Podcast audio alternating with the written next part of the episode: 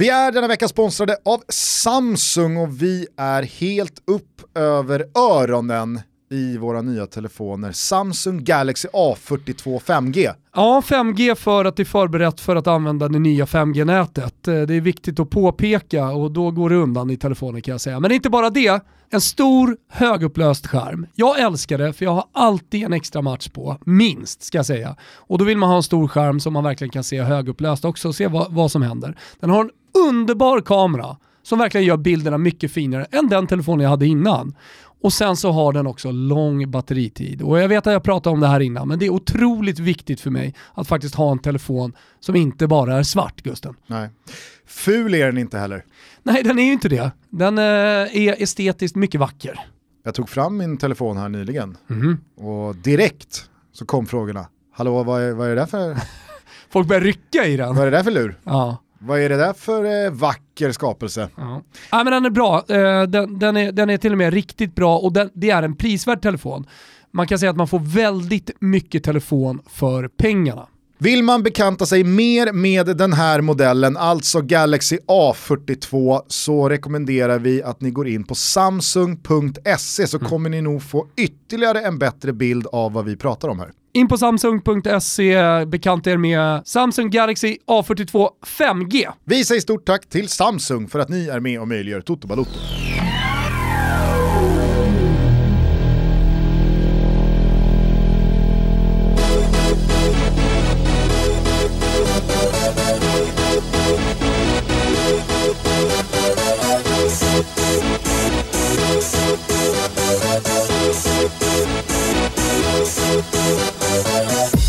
For this?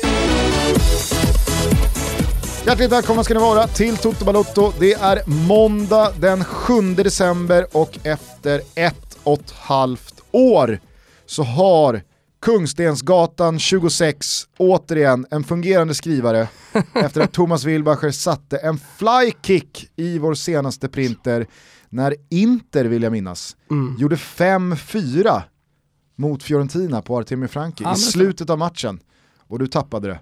Jag kommer inte ens ihåg om det var 5-4 men jag tappade det och då fick printen, eh, om det var en flykick eller om det var en dropkick. Något eh, mellanting kanske. Sen dess har jag och Kristoffer Svanemar frågat titt som tätt, hör du Thomas, den här skrivan du har lovat att ersätta med en ny, hur går det där? Och därför så har det också tagit tid.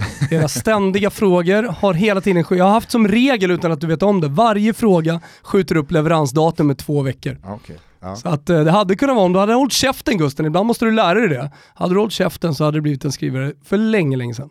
Det här har i alla fall gjort mitt liv lättare eftersom jag nu har kunnat skriva ut mitt svep. Tidigare och senaste då 18 månaderna så har jag alltså läst svepen via mobilskärmen och då har det blivit lite styltigt och hackigt. Jag tror att vår producent Kim Wirsén är väldigt glad över att printen återigen fungerar. Ska vi bara börja detta måndagstutto, detta matiga måndagstutto med ett svep som berör de senaste dagarnas fotboll och så tar vi det helt enkelt Ja därifrån. men jättebra, kör. Höst har blivit vinter, men inte ens snön kan stoppa Zlatan. Bara muskelskador. Tur då att hans Milan ångar på med nya trepoängare anförda av kärnkraftverket Frankesi, pitbullterriern Ante Rebic och innebandysnöret Jens Petter Hauge. Segern togs borta mot Sampdoria, men var ytterst nära att sluta i ett kryss då Albin Ekdal först reducerade och sen i matchens sista sekund fick ett jätteläge från nära håll att kvittera till 2-2. Men Milan befäste serieledningen och oddsen skiljer sig nu inte speciellt mycket mellan Inter, Juventus och rödsvart vad gäller scudetton. Vändning och vinst i derbyt mot Torino för 72 gången i rad för Juventus, Achraf Hakimi show för Inter hemma mot Bologna och så 0-0 i regnet mellan Roma och Sassuolo. Napoli tog tredje raka efter Maradonas bortgång och Lorenzo Insigne ser sådär vass men ändå len ut när han får bollen runt straffområdeslinjen. Udinese Atalanta regnade bort, Lazio slog Spezia och i botten väntade ikväll ett riktigt ångestmöte på Artemio Franki när Fiorentina möter Genoa. Vilka ska egentligen ligga på nedflyttningsplats efter tio omgångar spelade? Ångestpucken ser ni såklart på Simor med avspark 2045. I Spanien fällde Cadiz ytterligare en 16-taggare när man slog Barcelona på hemmaplan. Den lilla nykomlingen med store Alvaro Negredo i spetsen ligger femma och understryker med hela sitt väsen och sin existens att man åker på spö det här året så fort inställningen och fokuset sviktar. Real Madrid tog en blytung trea mot Sevilla. Atletico Madrid tog sjunde raka och ser allt mer svårfångade ut högst upp i tabellen. Nya tränaren tillika chefen Codet har trampat gasen i botten med Celta Vigo och fått rejält fart på dem och i Real Sociedads bortamatch mot Alaves hade Alexander Isak en otroligt jobbig kväll på kontoret. Ett par riktigt bra lägen utan utdelning, en ett mäkta frustrerat kroppsspråk och sämsta möjliga betyg i spansk press idag. Nej, det vill sig fan inte för Isak den här sidan corona. Helgens bästa match spelades mellan Bayern München och Foppens Leipzig och när allt var över så hade seriefinalen på Allians slutat 3-3. Dortmund lider rejält av hålets skada och inkasserade tredje raka utan seger. Kusarna är ny tvåa och detta är de efter att ha tvålat till kanske hela Europas sorgligaste gäng Schalke 04 på bortaplan. De kungsblå, eller kungsblå kungsblå, de, Königsblau! de blå stoltserar fortfarande utan seger och är inget mindre än en skam för den annars så stolta regionen Ruhr och den kretsfria staden Gelsenkirchen. Hamburg då? Übermäktiga, dansanta och älskvärda Hauerswau, Die Rotenhausen. Var inte de på väg upp igen efter att ha slaktat Schweiz rätt ut? Va? Nej, fem raka utan seger nu. Tre raka torsk och allt kommer naturligtvis skita sig igen för Tuttos dynggäng. Fuck Bremen. Vi tar oss till England, där ett par tusen supportrar var tillbaka på vissa arenor och de 2000 på Anfield fick huden att knottra sig och mungiporna att dra sig mot snibbarna. De fick också se Liverpool nacka, flå och slakta Wolves och Klopp kunde hamra sig över bröstet framför de Kopp efter slutsignalen. Allt är snart som vanligt igen hörni. Vardy sköt på tilläggstid, Chris Wilder ett steg närmare Ranstad.se, Chelsea vände och vann övertygande mot Leeds, City missade med ett hårsmån målrekordet hemma mot Fulham, Everton och James Rodriguez har slut på bensin och Manchester United klarar sig inte en enda sekund utan Bruno Fernandes. Punkt. Tottenham och Mourinho då? Ja men de ångar på och maler ner det mesta som kommer deras väg just nu. Arsenal hade bollen, Arsenal hade avsluten, Arsenal hade hörnerna. Men när allt var över hade Mourinho tagit hand om poängen och det var inte på något sätt orättvist. Firma Kane Son rusar mot firma Drogba Lampards Premier League-rekord på 36 mål gjorda och assisterade av varandra och har nu bara fem kvar till tangeringen. Ska vi säga att de eh, når den i mellandagarna? Mm -mm. Allsvenskan är slut, Degerfors är tillbaka i högsta ligan och Helsingborg kraftsamlade fram fyra gjorda mål borta mot ett motiverat Norrköping. Och efter slutsignalen pratade den avgående tränaren Olof Mellberg om att nej, fan vi hade kunnat sikta riktigt, riktigt högt i Allsvenskan nästa år. Vi hade haft något riktigt bra på gång här, men ja, ah, nu har vi åkt ut. Vilket hån. Jag kanske ska börja i den ändan bara, direkt från Olof Mellberg, det där snacket, Helsingborg som egentligen är bättre än att de åker ur, men nu har de åkt ur efter 30 spelade omgångar. Så det går ju liksom inte att komma och snacka nu! Nej. Nej, och den insatsen, den matchen man gör, målen man gör mot motståndet som det är. Alltså, vi pratade ju i tidigare avsnitt här inför avslutningen av Superettan om att Ljungskile skulle göra det svenskaste vi har, nämligen att kraftsamla, knyta näven i fickan, hitta någon anledning till att avsluta på topp och typ pressa fram säsongens bästa insats mm. när den är vattenvärd. Nu gjorde ju inte Ljungskile det, men istället är det Helsingborg som gör precis det. De åker och slår Norrköping på bortaplan och efteråt så står Olof Mellberg då och pratar om att vi hade något riktigt bra på gång här mm. och jävla vad högt vi hade kunnat sikta i allsvenskan nästa år. Men nu blir det inte så. Men jag vet inte vad det är så att säga från Olof Mellberg. Är det att eh, på något sätt ja, försöka det, det, det skriva om historien? Förstår du vad jag menar? Ja. Att jo, jo, fast det, det där stämmer inte riktigt det var, ja, vad vet jag, alltså en tabell som ljög eller eh, domare som var emot oss, det var det som fick oss eh, att åka ur. Jag vet inte vad det var, mm. men någon slags omskrivning av historien tror jag ändå vi hade med att göra. Ja absolut och jag tror att det också handlade om att putsa lite hans eftermäle när han ja, nu ska söka nytt jobb och han ska registrera sitt CV på Ranstad och ta mm. sig vidare i karriären. Då behöver man väl få det att låta som att, ja men kolla, det jag ändå har gjort det är att jag har byggt ett lag som ändå åker och slår Norrköping på mm. bortaplan när de jagar högre tabellplaceringar och silver och mm. skytteligatitlar med Totte Nyman och så vidare. Nu tog mm. jag den ändå, men ni förstår vad jag menar. Mm. Jag upplevde i alla fall på sociala medier att Helsingborgssupporterna det här var nog den mest frustrerande vinsten de har tagit på år och dagar. Mm. Det var ingen som var glad åt det här. Ja, Alla det var bara förbannade. Men självklart, det är bara jobbigt att se dem helt plötsligt eh, spela bra. Kanske när någonting släpper, att de inte haft mentaliteten, mjuklast i pannben och allt det där. Att det är det som har varit eh, kanske Olof Mellbergs stora problem att försöka omvandla det till energi snarare än uh, att liksom, ja, bli, bli spända och få dåligt självförtroende och inte, inte lyckas få ut maximalt av sitt spel. Uh, nu fick man i alla fall det uppenbarligen. Jag tänkte bara nu när allsvenskan efter detta mycket speciella 2020 är färdigspelad, så när som då på kvalet mellan Kalmar och J Södra, men mm. uh, det är väl ingen idé att hålla igen med eh, årssummeringen bara för att det kvalet återstår. Det, det kvalet kan få leva sitt egna lilla liv. Det blir spännande ändå.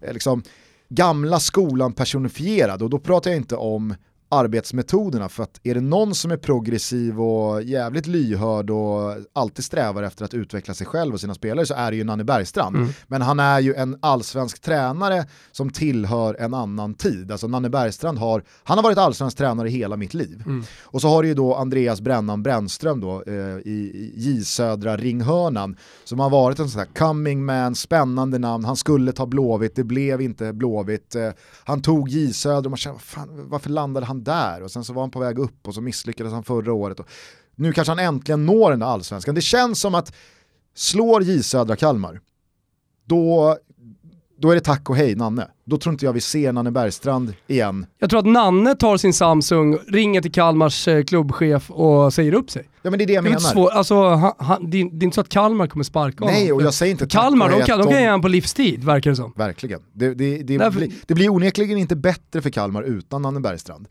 Och det var inte det jag de antydde heller, det. att Kalmar skulle sparka Nanne. Jag tror bara att då tror jag att Nanne Bergstrand tackar för sig. Ja. Eh, och så är det då liksom eh, brännans tid är mm, här. Mm. Nu, nu är frälsaren kommen. Mm.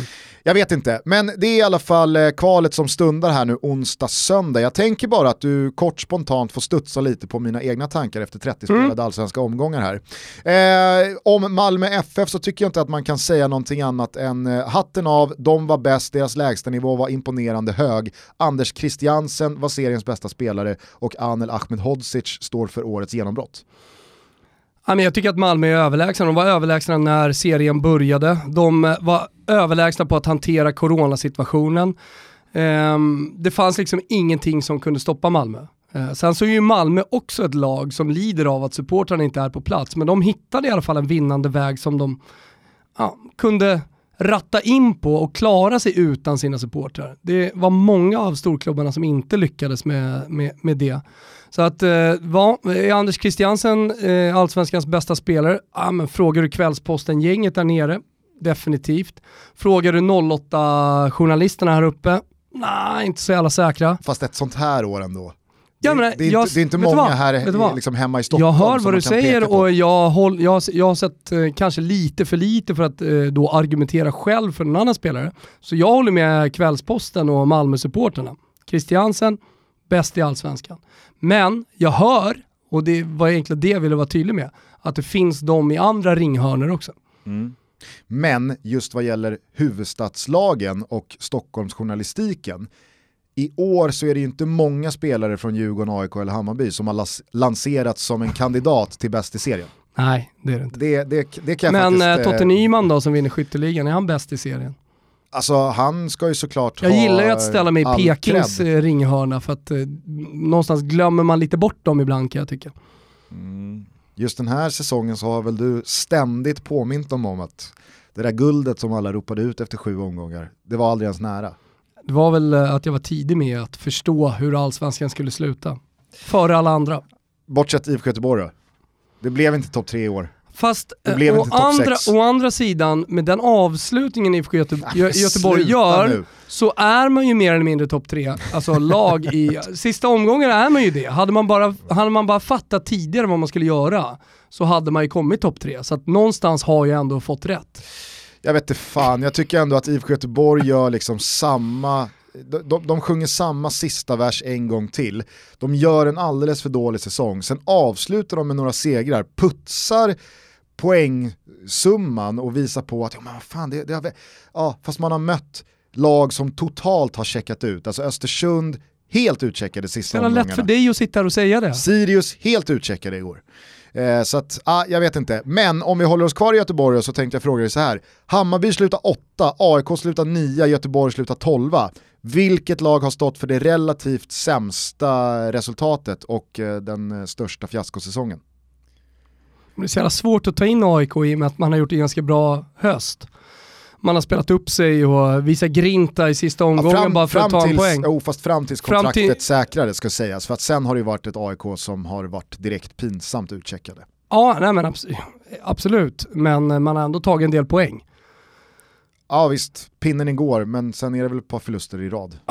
Jo, ja, skitsamma. Alltså AIK fram till att Bartos tog över med den satsningen som man ändå har gjort och då kan ju många AIK har säkert liksom hävda att man fick in många unga spelare som inte hade spelat allsvenskan tidigare. Är det någon slags rekord i antal debutanter under en säsong? I alla fall för en så etablerad allsvensk klubb. Ja, men jag har ingen aning, men eh, en, en klubb som inte kommer från superettan så tror jag nog att det, eller det borde vara någon slags eh, rekord. Och som dessutom går för guld. så att jag menar så här, det finns väl någon brasklapp där, men eh, det, det, det är ju sett till hur man spelar, sett till resultaten, sett till några av de förlusterna man åker på, inte minst Häcken.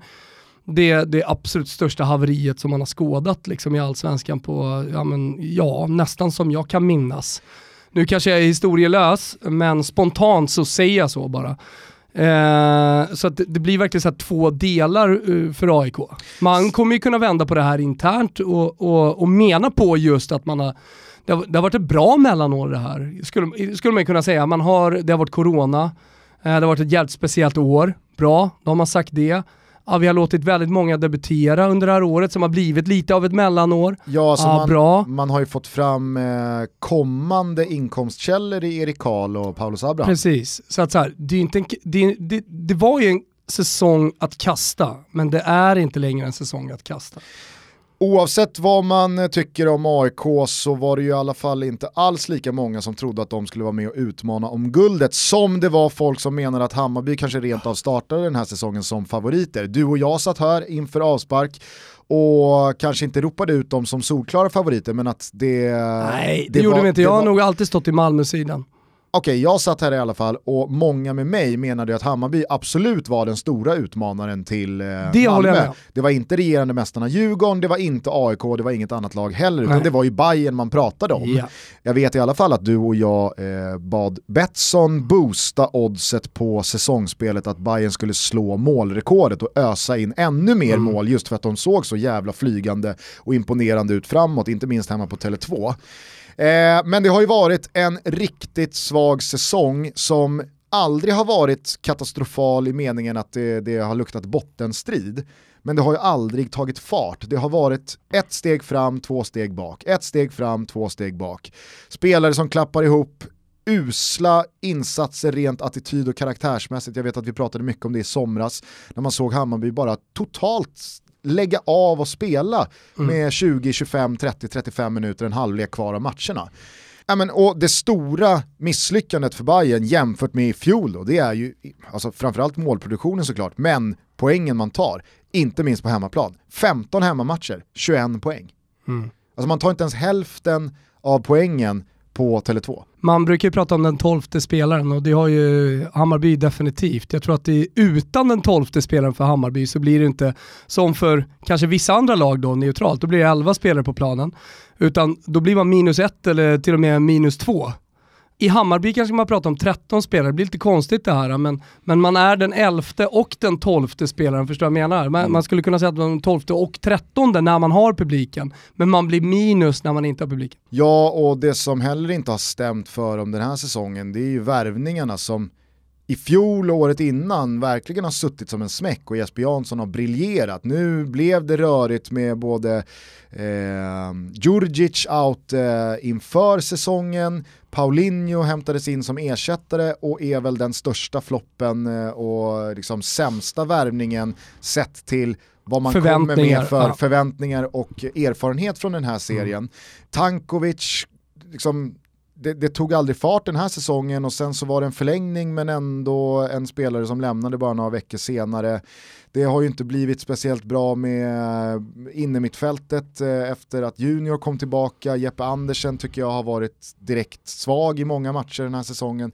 Nej, det, är, det är ett Hammarby som, jag vet, jag, jag, jag vet verkligen inte vart jag har Bayern nu inför 2021. Ska, det kanske är det de, bästa. Ska de ladda batterierna och gå in i 2021 igen som en toppkandidat och ett lag som går för guldet? Eller har den här säsongen tryckt ner dem i skorna och truppen förändrats så pass mycket åt negativa hållet att nej, tror, man tror, kanske backar där? Ja, nej, men jag tror att så här, kan, man, kan man göra en en bra vinter på transfermarknaden. Kan man förstärka det här laget, kan man förstå lite grejer, vilka spelare som inte ska vara där och vilka som faktiskt ska vara där, så man, så man gör en bra, ett bra transferfönster.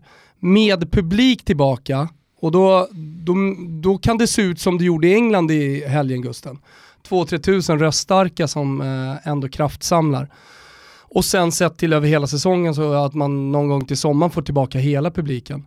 Ja, men då tror jag nog ändå att Bayern kan få så pass mycket energi. Men, men som sagt, det kräver ju att man gör en bra, eh, en bra vinter och då måste man väl hitta någon mittback som, som gör det ännu bättre än de mittbackarna som är där idag. Mm. Eh, till exempel, man måste hitta, antingen få tillbaka Paulinho eller hitta ett alternativ som eh, faktiskt gör mål. För jag, jag, jag tänker att så här, men det är härligt att ha Ludvigsson och Aaron han är Johansson. en jävel, jo, nej, men så här, Ludvigsson, han är en jävel på att riva och slita. Men jag tror inte du vinner guld med honom, eller jag är ganska övertygad om att du inte gör det. Eh, men jag ska avkräva dig ett svar av vilket är egentligen det största fiaskot? Är det Bayerns åttonde plats, Gnagets nionde plats eller Blåvitts tolfte plats som eh, till slut då har lite luft och poängdistans ner till kvalplatsen, men som har varit mm. en krissäsong deluxe eh, mm. sen start? Mm. Ja, men jag tycker att det är lite jämnt skägg faktiskt. Eh, men eh, jag landar nog ändå sett till förväntningarna, för det är väl det som är det viktiga om vi ska utse ett fiasko här. Eh, det största fiaskot till och med. Så, så kanske det till och med är Bayern. Mm. Ja, absolut. Jag säger inte emot. Vi är sponsrade av våra vänner på K-Rauta. Ni vet att det är juletider på deras varuhus och på krauta.se. Ni vet att ni kan ge bort väldigt fina gåvokuponger. Thomas, berätta kort, vad är det här? Ja, men det är helt enkelt, du väljer, jag betalar och så kan man då fokusera på till exempel ordning i hallen, man kan göra en room makeover och i room makeover så kan man kryssa i målarfärg, tapet, golv och sen då med asterisken bekostas av mig. Psst jag gör naturligtvis jobbet också. Och jag menar så här, är man lite händig, man eh, har en släkting eller en kompis som behöver hjälp. Vi har ju Dämpa, vår polare, som ofta kommer och hjälper oss. Han borde ge några så här gåvokuponger till oss kan jag mm. tycka. Hur som helst, och då kan man då kryssa i så blir det en rolig julklapp. Man ger någonting mer än bara till exempel lite medel för att köpa målarfärg. Kanske borde K-Rauta hotta upp de här kupongerna med rutan hjälp av Thomas och Gusten så kommer liksom ingen fylla wow. i den. För att det, det tror jag, det, det är nog bäst. den finns där men den ingen där, kommer kryssa men den. ingen kommer kryssa i den, för då vet man att då blir det kanske inte så bra som man önskar. Eh, K-Rauta vill dessutom påminna alla om att eh, man enkelt kan beställa vad man nu vill köpa på krauta.se mm. och att man väldigt smidigt kan hämta upp sina saker genom deras drive-in. Och vi vill tipsa om att vi kommer tävla ut ett presentkort på K-Rauta på våran Instagram under veckan. Extra liten julklapp till någon. Det kommer på Instagram i veckan. Vi säger Kitos K-Rauta för ni är med och möjliggör Toto Balutto. Eh, vad gäller positiva insatser då från lag så tycker jag, jag gick igenom tillsammans med Betsson våra långtidsspel här inför sista omgången. Inte helt dumma va? Nej, det var faktiskt ganska fina och jag skulle vilja påstå att eh, det finaste spelet av alla, det var Elfsborg topp 6 till 6 gånger pengarna. Va? Den är, den är riktigt bra. Kommer tvåa, förvisso på bara 51 poäng. Det har inte räckt till speciellt många andra platser de senaste 10-15 åren. Hur mycket vinner Malmö med? 60. Så nio pinnar ner? Ja. ja det är ju en total slakt av Malmö FF. Verkligen. nej, men det, det, det pratas ju inte jättemycket om det. Men alltså vilken jävla slakt av en serie. Ja. Nej, men de har ju aldrig, de har ju aldrig darrat liksom. Det, det, har inte... Fan om de inte bara gör Juventus nu vinner tio raka. Jag ska inte ta gift på det men jag tror inte Malmö har, eh, de har inte två poängtapp i rad. Alltså, har de tappat poäng så har de följt upp det med seger. Och jag menar Toivonen, Kiese och alltså, det, det äldre gardet som ändå levererar ska väl vara kvar. Det är väl att så här, man, man skulle kunna tappa Okej. Christiansen, det kommer in pengar där. Jag. Thelin är, det är väl, eh, alltså han är ju eh, årslånad av Anderlecht, så Ah, han ska väl jo. tillbaka här nu. Jo. Eh, Så vi får väl se vad, vad det blir av honom, men Toivonen ska ju såklart ingenstans. Och Christiansen, ja jag vet inte, han kanske är uppe och knackar på styrelsedörren igen. Kom igen nu för fan, släpp mig, ge mig mina 75 miljoner, jag måste få gå. Eh, nej men bara tillbaks till Elfsborg så skulle jag verkligen vilja eh, lyfta på hatten. Det har vi gjort många gånger under året. Mm. Eh, Nya jag vet att Elfsborg-supporterna är på oss att så här har det sett ut ett tag nu. Mm. Men för eh, alla oss som pratar i större perspektiv av då Magnus Haglunds Elfsborg som med eh, fart och fläkt och bollen längs backen har Mm. spelat eh, konstruktiv passningsorienterad fotboll i många, många år. Så är ju här en profil på Elfsborg som man inte riktigt har vant sig vid ändå. Nej. Det är hårdföra armbågar från Frick och Heltne Nilsen och det är liksom ett grinta-gäng Mm. som bara kör. Det är Simon Strand som är varnad innan matchen börjar och utvisad innan den är slut. Eh, det är ett solitt försvarsspel och det är liksom grinigt på ett härligt sätt.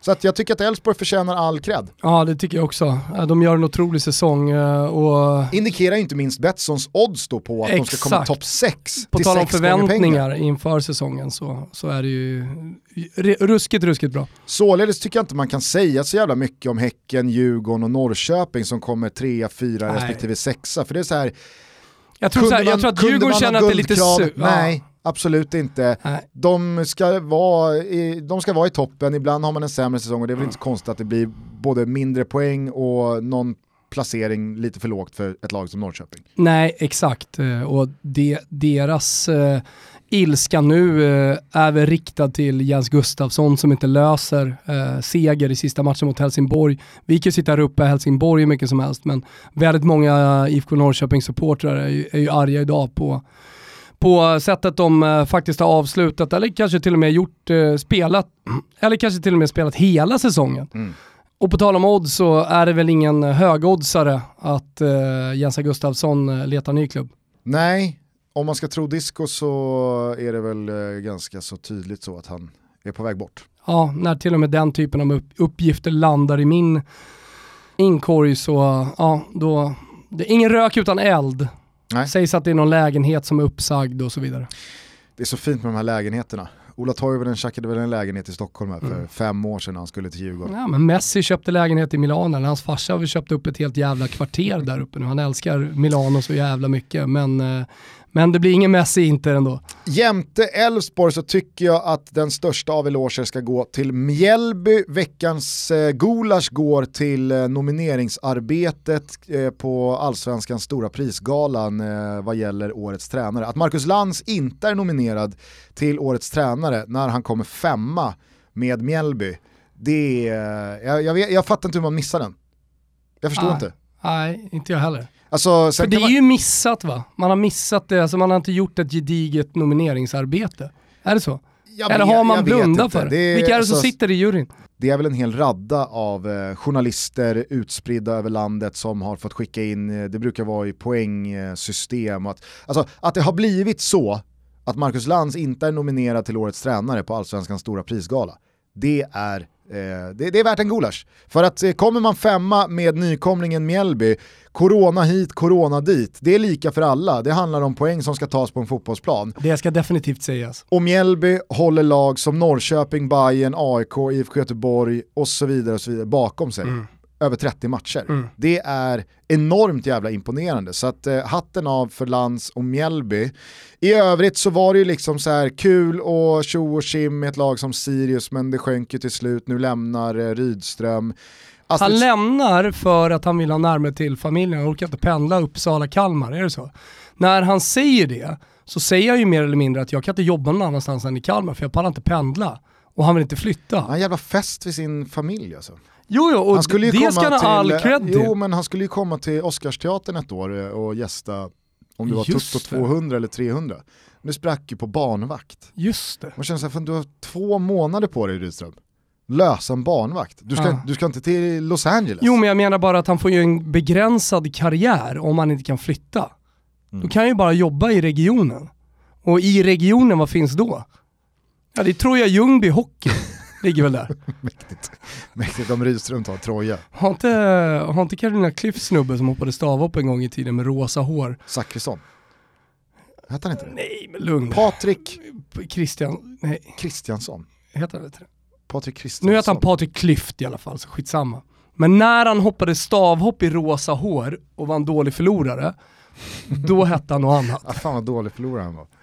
Patrik Jo men han var, han var dålig förlorare på ett så här gråtsätt, så här, gråtarg alltid när han förlorade. Det var inte, det Vad var, fan gör du som ett barn som har blivit av med godis? det var inte Robban Kronberg.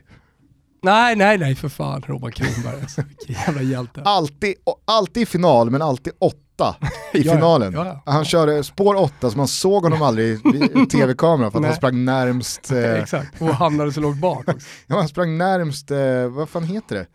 Eh, Ja, kravallstaketen. ex, ja, jag vill säga sargen, men det är ju... Kravallstaketen. Nej men vad heter det? Reklamskyltarna. Ja, exakt. Han Ja. sprang närmst reklamskylten så han syntes aldrig i finalen. Eh, hur som helst eh, så skulle jag bara återigen då vilja ge en eh, ros till eh, Astrid Selmani som kommer tvåa i skytteligan Mm. i Varberg, eh, bakom då Totte Nyman. Och där egentligen så slutar min allsvenska summering. Det blev inget nytt mirakel för Hasse Eklund och Falkenberg. Eh, på ett sätt så tycker jag att det är tråkigt för Hasse och Falkenberg. Men eh, fan. på ett sätt så är jag också lite glad att det blev liksom som vi sa. Han skulle tagit statyn, Mm. Skulle nöjt sig i Exakt. fjol. Veta att jag kan inte göra mer än så här. Nej, Varför ska jag genomlida den här passion en hel säsong eller hur? för att sen bara göra om det? Mm. Ja, nej, jag, jag fattar inte riktigt det. Men Allsvenskan 2020 är slut och det tror jag jag tar med mig främst. Det, Gud vad, du, tar, du tar med dig känslan när allsvenskan var slut, gud vad skönt. ja, men det, var, det var faktiskt det jag Ja, men det, skulle också, säga. det säger man ju det- för att man blickar framåt. Nej, jag tror att är det någonting som har präglat den här allsvenska säsongen så är det verkligen supportrarnas liksom, Frustration. frustration och känsla kring att vad fan är det här? Mm. Blås bara av, låt bara säsong, hoppas ingen drar korsbandet, Alla vet att Malmö vinner. ut. Ja. Låt Malmö vinna och så är det Ja, men så här, de, hade så kunnat gjort en kval, blad bara. de hade kunnat gjort en kvalgrupp med bottenlagen, så hade de fått kvala mot varandra i någon slags dramatisk eh, kuppstrategi. Mm. Och sen så, eh, hade man, så hade vi bara kunnat stängt säsongen där någonstans i oktober. Ja, nej men så det är verkligen det jag tar med mig från den här allsvenska säsongen. Det var känslorna på sociala medier igår när slutsignalerna gick att fan vad skönt, nu är det över, så nu kan vi gå i ide ett tag, nu kan vi bara stänga säsongen 2020 och så kan vi inte tänka på allsvenskan ett tag och sen så hoppas vi att saker och ting börjar återgå till det normala Ja men exakt, om någon det tror jag, månad ja, eller men det tre. tror jag så här, fan nu stänger vi det här skiten som har varit och så samtidigt symboliskt nog så har man “Come on you Spurs” och så har man eh, inom på Anfield. Jag måste säga det, jag älskar Premier Leagues nya hymn.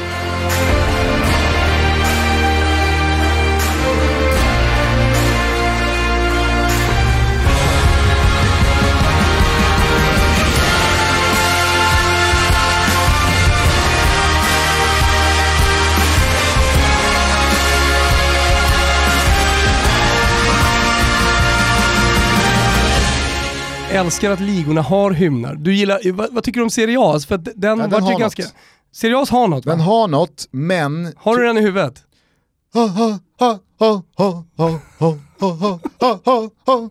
Men den var, den var ganska hånad när den kom nämligen.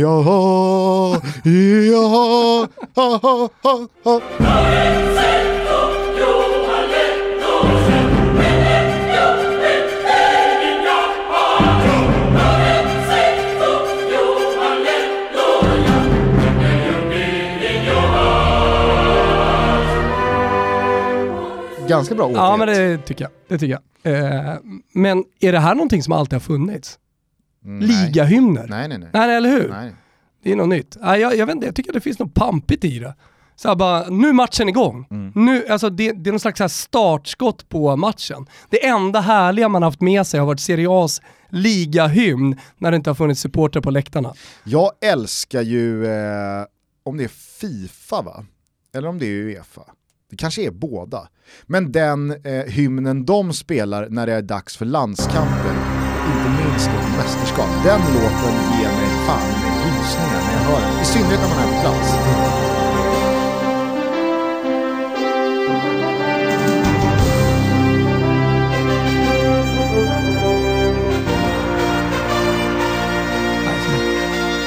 Håll med om att det är sån jävla gåshud. När man ser spelartunneln och så kommer domarna och sen så kommer två landslag och så går det ut till mästerskapsmatch. Ja, det är mäktigt. Det är så jävla Jävlar. gåshud den här. Ja. Ja, den är fin. Mycket, mycket fint. Jag kom av mig när jag eh, inte sa “You never walk alone”, det var det jag skulle säga. Alltså så att det symboliskt nog kom när, för mig blev det i alla fall så när jag satt och kollade på all fotboll igår som man gör. Och så liksom bara hör man sången ändå. Och visst, det är inte 40 000, men det känns som det är 40 000 på läktarna för du har hört noll innan. Bara på Tottenham Hotspur Stadium så, så var det gåshud. Och så liksom så här, kollar man framåt, ja, hur, hur ska det här bli nu? Man börjar tänka, ja nu kommer det mer folk på läktarna. Allsvenskan slut. Ja, nästa år kanske jag står där i premiären och gormar när allsvenskan ska börja. Och då blev det på något sätt så ännu mer symboliskt skönt att så här, nu lägger vi det här bakom oss. Ljuset i tunneln bländar oss. Ja, nej, men verkligen. Och jag, som jag skrev i svepet där, bara att se Klopp efter matchen faktiskt gå mot supportrar på The Cop.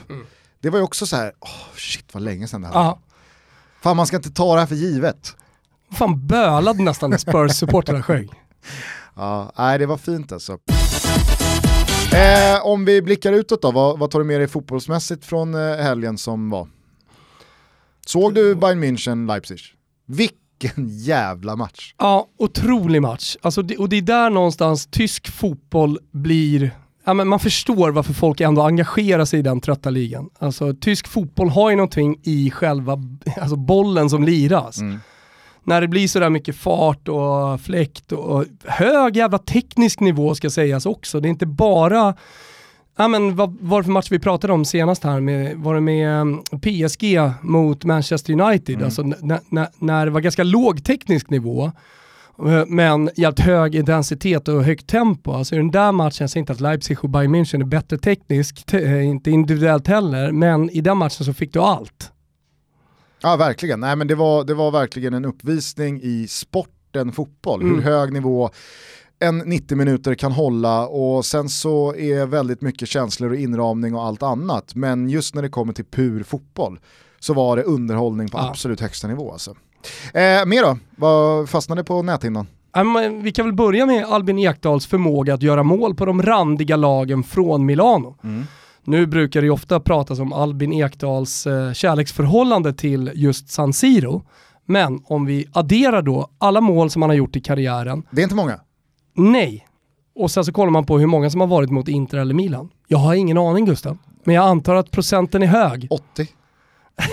Kanske. Nej det är nog inte, det är ingen överdrift. Du kommer ihåg när han hade alla sina polare på läktaren, hade kommit ner till just den matchen. Ja, men fan vi piper ner till Milano och ser Inter mot hans Cagliari måste det ha varit va? Ehm, var ju så otroligt bra. Kanske var han i sitt livsform där och då, Albin Ekdal. Och sen så skadade han sig, bara, alltså någon muskelskada. Nu fick inte liksom det här stopp på honom på något sätt, men han hade ett par skador. Han hade en ganska skadedrabbad säsong även om han bet ihop och körde jävligt mycket. Men när han gjorde två mål på San Siro och de hyllningarna han fick eh, där och då, de, ja, de, de ledde till att det sedermera låg 16 kontraktsförslag på bordet när han eh, valde Hamburg. Och det kan man ju inte blame honom för. Att man väljer stora, stygga, mäktiga Hauerswau. Nej, det, Ha- Fan, det, är- det är så rimligt att det blir Die Rotenhausen. Men eh, det blev ju fel på alla tänkbara plan. Han är ju tillbaka i Serie A där han hör hemma sedan några år tillbaka och igår kom alltså första målet för Sampdoria. Han gör ju väldigt sällan mål, men när han väl gör mål då är det som att det är catch-up-effekt deluxe. Eh, Tio minuter senare så har han ju ett superläge 93-58 att kvittera med sitt andra mål då och på ett mycket märkligt sätt råna Milan på två pinnar. För Lite som när han gjorde sitt första mål. totalt. för BP. Lite sån situation var det. Jag eh, imponeras dock av detta Milan som igår inte bara klarade sig utan Zlatan utan även Simon Kjär och Benazer. Alltså tre av fyra centrallinjefigurer är borta och ändå så tar man tag i en match som är Sampdoria på bortaplan och kanske inte spelar sin bästa fotboll, det var både slarvigt och hafsigt, Mm. eh, stora delar, men väldigt, väldigt övertygade spelar de sin fotboll numera. Mm. Alltså de sköljer fram, de parkerar på offensiv planhalva och de jobbar hårt i defensiven och det är sånt jävla go i laget. Jag tycker Pioli agerar också. Brahim Diaz är direkt svag i första halvlek. Mm. Då väntar han inte till 64 utan han plockar honom i paus. Mm. In med Hauge. Mm. Han är het för dagen. Då får, vi, då får Diaz kliva av. Den, eh, det här funkar inte. Nej. Bort med honom, in med något nytt. Och, Handlingskraft Gustav. Och så får han resultat direkt. Han byter in Castillejo som gör mål en mm. minut efter han har hoppat in. Och sen blir det lite svajigt eh, mot slutet där, men så blir det ju. Jag har sett tusentals matcher domineras av ett lag som leder tryck med 2-0. Kommer 2-1 med fem minuter kvar ja då blir det ju... Då kommer det stora darret. Då blir det ju lite panik och lite chansartat sista minuterna. Det, det är ju bara så. Det är, inte, det är inte alla gånger man klarar av att stänga en match eh, med 3-0. Nej, men vem är det som brukar säga det? 2-0 är det sämsta resultatet man kan ha med sig inför en andra halvlek. Jag tror att det är, eh, är de det... som har spelat överspelet, över 2,5. Det sista resultatet man vill ha då, det är 2-0 till hemmalaget. Här kommer ett namedroppande som eh, inte kommer flyga för våran miljon lyssnare Gusten, men eh, Ville Murtokangas eh, från Bålänge, kan, kan, det vara, kan det vara så att eh, det, är han, det är han som brukar, brukar säga att 2-0 är det sämsta resultatet? Jag vet inte. Ah, annars är väl det där en gammal liksom, hockeyskröna. Det finns inget svårare än att leda med 3-0 i hockey. Nej, Nej men eh, Milan imponerar och jag tycker också att eh, det är en Serie A-topp som ser extremt intressant ut. Eh, det är väldigt många lag som nog både kan, vill och tror att mm. man kan vara med och utmana länge om topp fyra. fyra. Fyra lag ser jag att det står emellan och jag tror att det kommer stå länge mellan de lagen. Kanske att något lag faller bort tidigare. Men uh, att Napoli är med där och hugger och att de spelar den fotbollen som de gör, ja, fan, kan du få tillbaka två, tre och kanske 10 000 supportrar innan den här säsongen är slut, då tror jag det är ett lag som verkligen kan lyftas av det. Så då tror du att Roma kommer falla ifrån? För var, att i de där var, fyra, du om du ska ha med Napoli så tänker du ju inte Milan och Juventus, såklart. Och då tänker du att Roma och Atalanta och Lazio inte... Vill du ha med Roma i scudetto-striden? De är obesegrade. Lägg av. Alltså, hej. Nej, Roma är inte med i scudetto-striden. Lazio är inte med. Inte, Atalanta är definitivt inte, inte med. Atalanta kommer 11 i år jag i, sa i inte scudetto-strid, jag sa topp 4. Ja, ja, ja, men alltså att, att något av de lagen utmanar om en topp fjärdeplats, absolut. Men alltså de som gör upp om scudetton, det är Inter, Milan, Juventus och Napoli. Okej.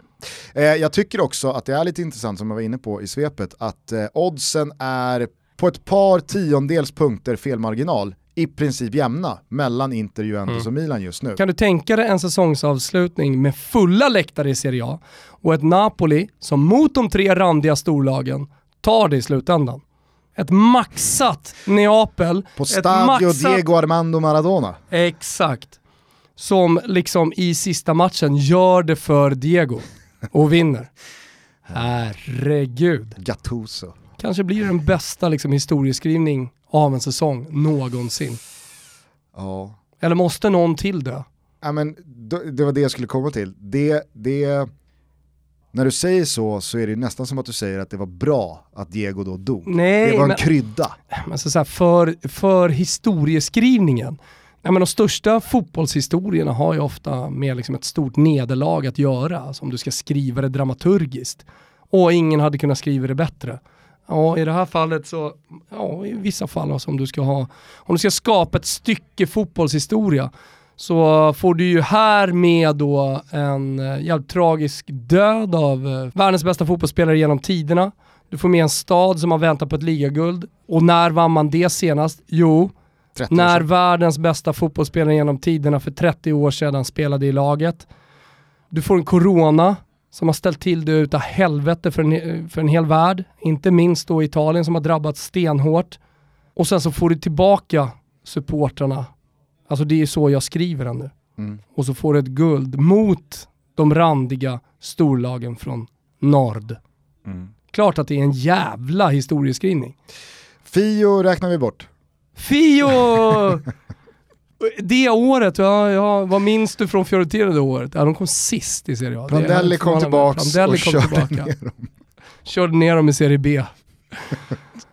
Tack och hej. Tack och hej. Allt det där jävla joddlet om ny arena och träningscenter som skulle vara mest, det mest moderna i hela Europa. Allt det där var bara kasta i papperskorgen. Det blev Serie B istället. Mm. Ja det är för pissigt va. Mm. Eh, ska du se matchen ikväll? Ja det är klart du ska. Ja, jag ska väl det. Men... Ångestpuck mot Genoa. Ja. Tidig december, det blir inte finare än Jag så. tappar så mycket känslor nu så man känner bara, men torska den också då! Ja du, eh, hörru du, eh, vad gäller eh, det sportsliga bara kort i Premier League. Tottenham, Ja. Kane Son, Ja. spontant, jag nämner det här. Eh, Mm. Dels så kan man ju reagera på att siffran inte är högre än 36 vad gäller två spelare som alltså har assisterat och gjort varandras mål. Mm. Eh, det är Frank Lampard och Didier Drogba som håller det rekordet. Men Kane och Son är efter två mål igår uppe på 31, alltså det är en av dem som assisterar och det är den andra som gör målet, det är det vi räknar. Mm. Eh, hur högt håller de här två som en liksom, duo? Tidigare år, alltså 5-10 år här nu, så har vi pratat om trios. Det har varit, eh, Ja, det varit trios. BBC och det Mm. har varit Salah, Mané och Firmino, det Mm. har varit Insigne och Mertens och Cajon och det har varit, eh, ja fyll på. Det, Nej, ja, alltså det enda, så fort jag hör trio Ja. och det börjar, då, då landar man ju i Grenoli. Ah, gör man det? Fan, nej, alltså som, som epitet. Så- aldrig. SMS pratar Så man inte som- i Sverige om eh, överhuvudtaget. nej, okej, det är om du ska jämföra Grenoli, men du har ju van Basten, Schüllit, Rijkaard, Ja. alltså du, du har ju andra eh, trios från histo- fotbollshistorien. Ja, men det som Men har varit som har varit- har kanske blivit lite mer duos. Ja. Robertson, Trent. Du har, eh, Ja. vadå? Jo, De jo jag köper, jag köper, duo? ja, fan en jävla ytterbacksduo. Ja. Antingen så är det den ena eller så är det den andra som assisterar med något inlägg. Precis. Och så Tidiga inlägg också. Kane Son då, vad, vad säger du om dem? Hur högt, hur högt håller du dem? Mm. Ja, men jag, skulle, jag skulle vara tråkig och säga, kan vi inte bara vänta tills den här säsongen är slut så kan jag få svara sen. Eftersom det inte är mina favoritspelare, varken den ena eller den andra. Men eh, om jag objektivt ska titta på det här nu då, om du tvingar mig, eh, så håller jag dem ju såklart högt. Det vaga högt. Vad, vad säger det då? Hur högt? Ja, men inte, in, inte så högt som du, som liksom så här rekord, jag hör ju vad du, vad du pratar om.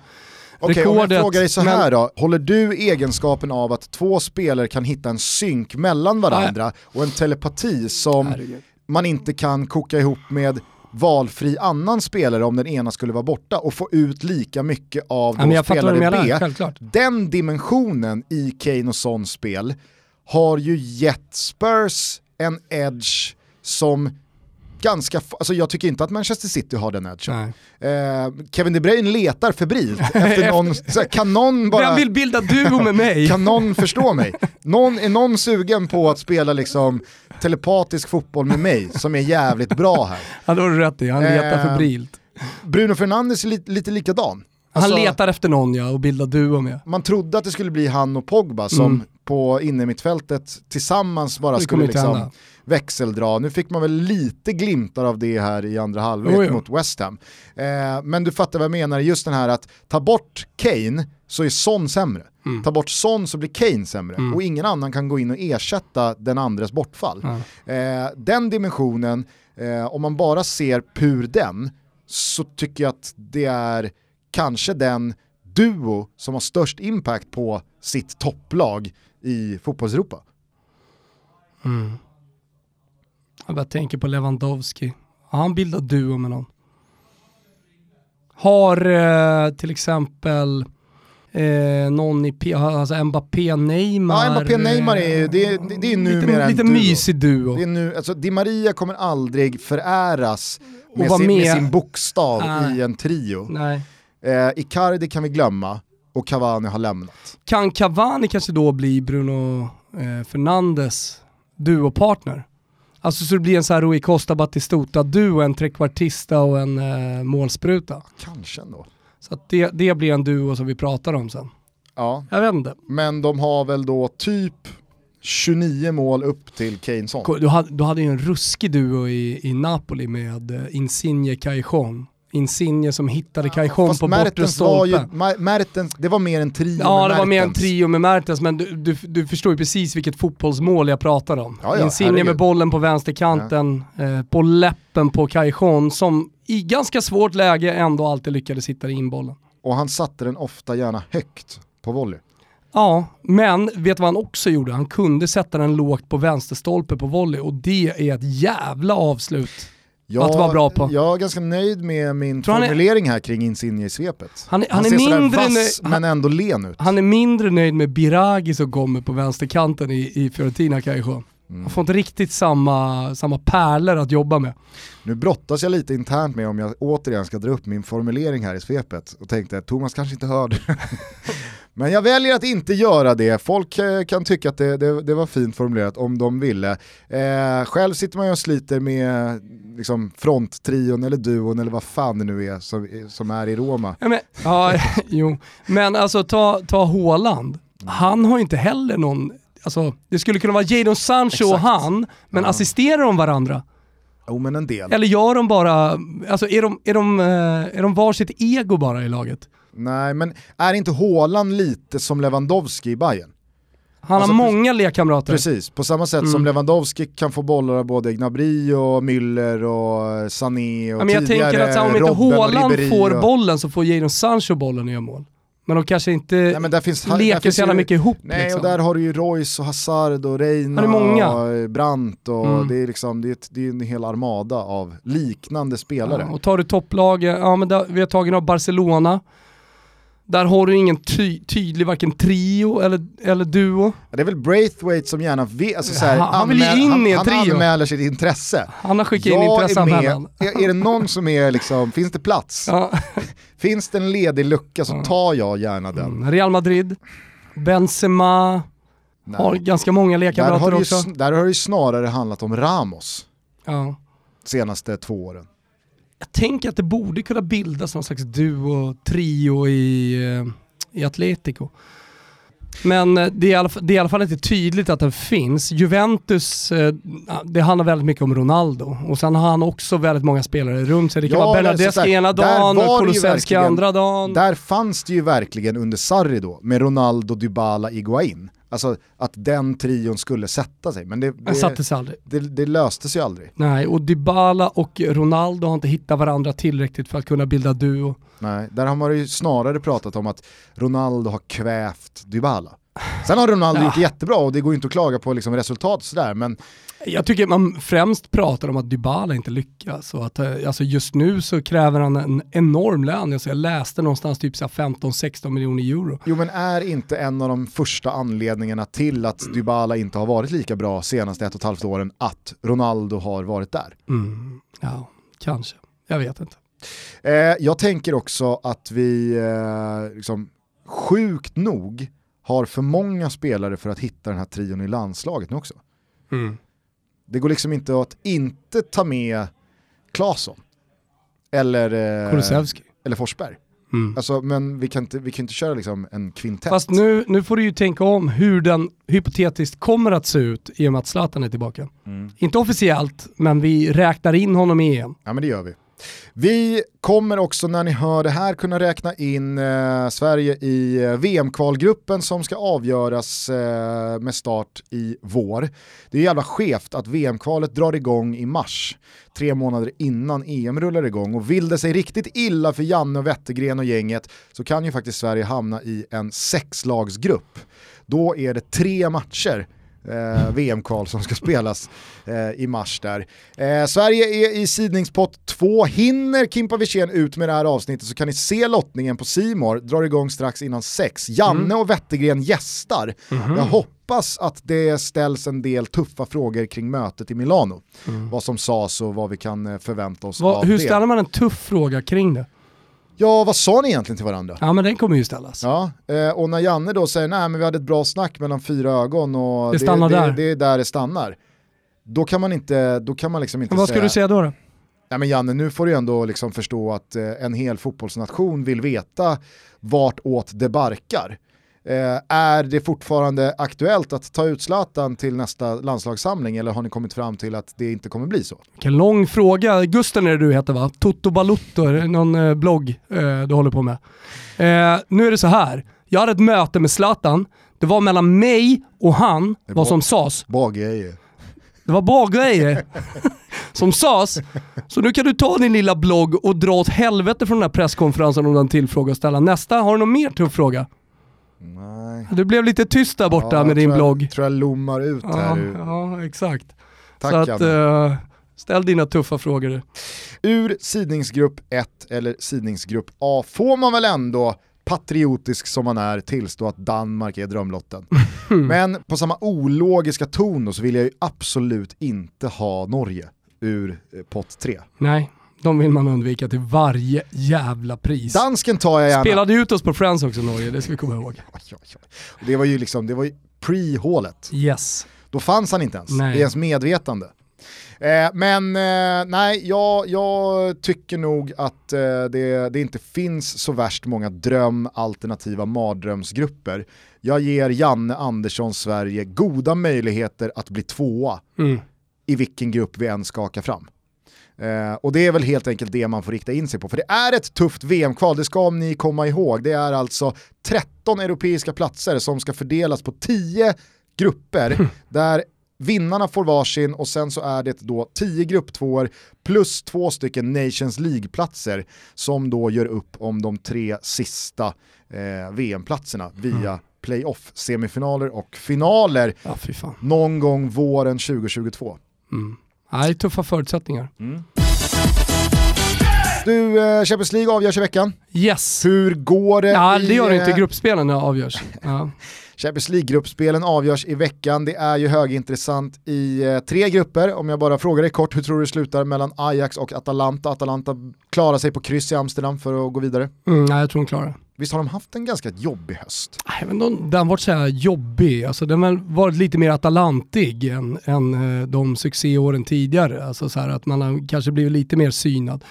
Mm. Eh, men det har varit intensiv, in, intensiva dagar, eller på att säga. Men alltså, du vinner ju mot Liverpool borta, en historisk seger som tyvärr är märkt av coronan eftersom man inte fick ha supporter på plats och allt det där som alla fattar. Men, men eh, det, det, har, det har väl varit kanske lite mer då ups and downs, inte bara en spikrak kurva uppåt och allting är fantastiskt i Atalanta-land. Men eh, jag, jag tror att de grejer. Det blir en fin match oavsett på Johan Cruyff Arena heter det nu va? Mm. Inte Amsterdam Just Arena. Eh, I gruppen mellan PSG och eh, Manchester United samt Leipzig så är ju läget så att alla de tre lagen står på 9 poäng. PSG har Basak Shehir på hemmaplan så de räknar jag redan in i slutspelet. Vad händer i Leipzig tror du? Kryss räcker för United. Exakt. Så det blir nog kryss.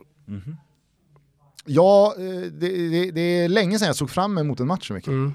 Ja, I det här stadiet av eh, mysigt. Och turneringen. så har du precis sett Leipzig spela en eh, dundermatch mot Bayern München. Exakt. Medan Manchester United inte alls imponerade första halvlek mot ett lag som West Ham. Nej, men de löser det ju så att det är ändå självförtroende Manchester United kommer med. Mm. Alltså man har ju nyckelspelare i form så att säga. Och när jag säger det så, är, så säger jag ju att Bruno Fernandes är i form och att det räcker ganska långt. Men du förstår vad jag menar. Men att han visst- får ihop det för, för Ole Gunnar. Men visst är det här det åttonde livet för Bonkatten? Alltså torsk här, då har han City i derbyt i helgen på sig. Ja, nej, men vi har Då pratat är det, om det. sist, det är sista Jag, livet. jag tror inte att det spelar roll. Han är kvar. Han är kvar. Ja, ja. Oavsett. Ah, okej. eh, tredje och sista gruppen som det verkligen Biscotto. lever i, det är ju den mellan Inter, Real Madrid, Shakhtar och Mönchengladbach. Förutsättningarna är så att Inter möter Shakhtar på hemmaplan, har ju givetvis goda möjligheter att avgå med segern där, men det räcker inte ifall Real Madrid och Borussia Mönchengladbach spelar oavgjort. Jag säger som eh, Olof Lund gormade i Fotbollssöndag Europa igår. Biscotti! Ja, det det Han ville säga Det- bisco- eh, är, det, är det svårt? Biscotto. men Det kan, Det är väl kan, världens enklaste ord att säga. Biscotto. det, Säg det en gång. det kan bli fel för alla. Hur som helst Jag eh, så förstod- är det jag- kakläge jag- jag och förstod är det kakläge, ja du förstod vad jag menar. Är det kakläge så blir det ofta kaka. Ja. Ja, det blir en spännande inledning på den här fotbollsveckan också. Spännande blir det också ikväll när mm. resultattipsets tredje omgång ska avgöras. Jag Helt ospännande gjort... borta hos mig Gusten ska ja. jag meddela eftersom jag redan har avgjort. Du har gått på knock. Men jag går en riktig jävla holmgång mot min gubbe. Jag har redan, alltså efter åtta matcher bara, ett nytt personligt rekord. 30 pinnar. Jag har 30 pinnar redan. Men han jag möter har 33. Det, det, det är alltså precis över tre poäng per match har du tagit va? Ja, eller det... Alltså snitt. Nej nej, det har ju bara, alltså jag har ju 30 poäng på åtta matcher. Är det två matcher kvar?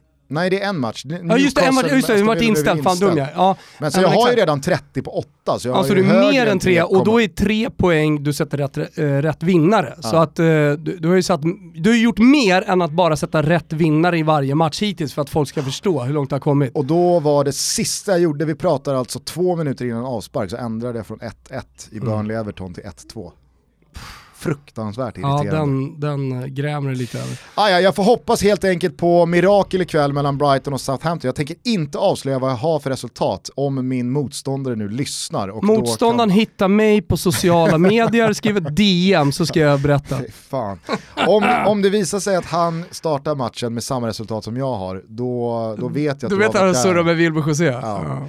Och då är jag ute ur resultattipset som eh, vi gör tillsammans med våra kompisar på Betsson och har så roligt. Det kommer en eh, ny revanschtävling för alla er som har åkt ut och gärna vill vara med i det här över jul och nyår. Jultoto kallar vi det för. Det är en poängtävling över tre omgångar. Den som tar flest poäng den vinner. Precis, så att då är det inte knockout-spel. Men eh, det om det kommer lite senare, det är ingen som kommer missa det Nej.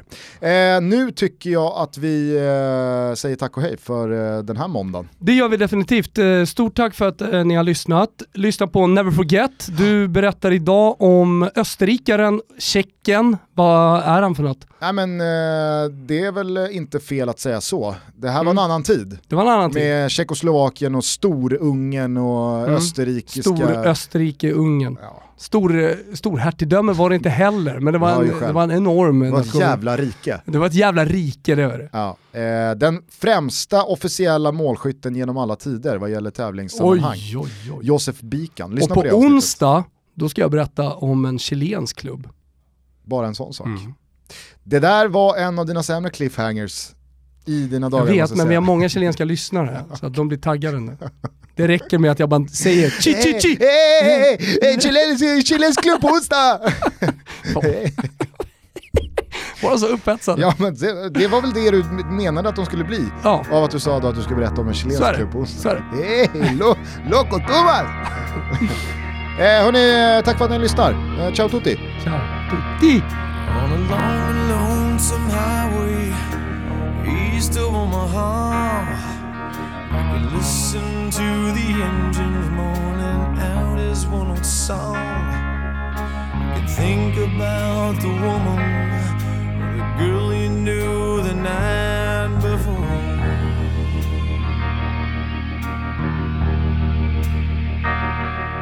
But your thoughts will soon be wandering the way they always do when you're riding 16.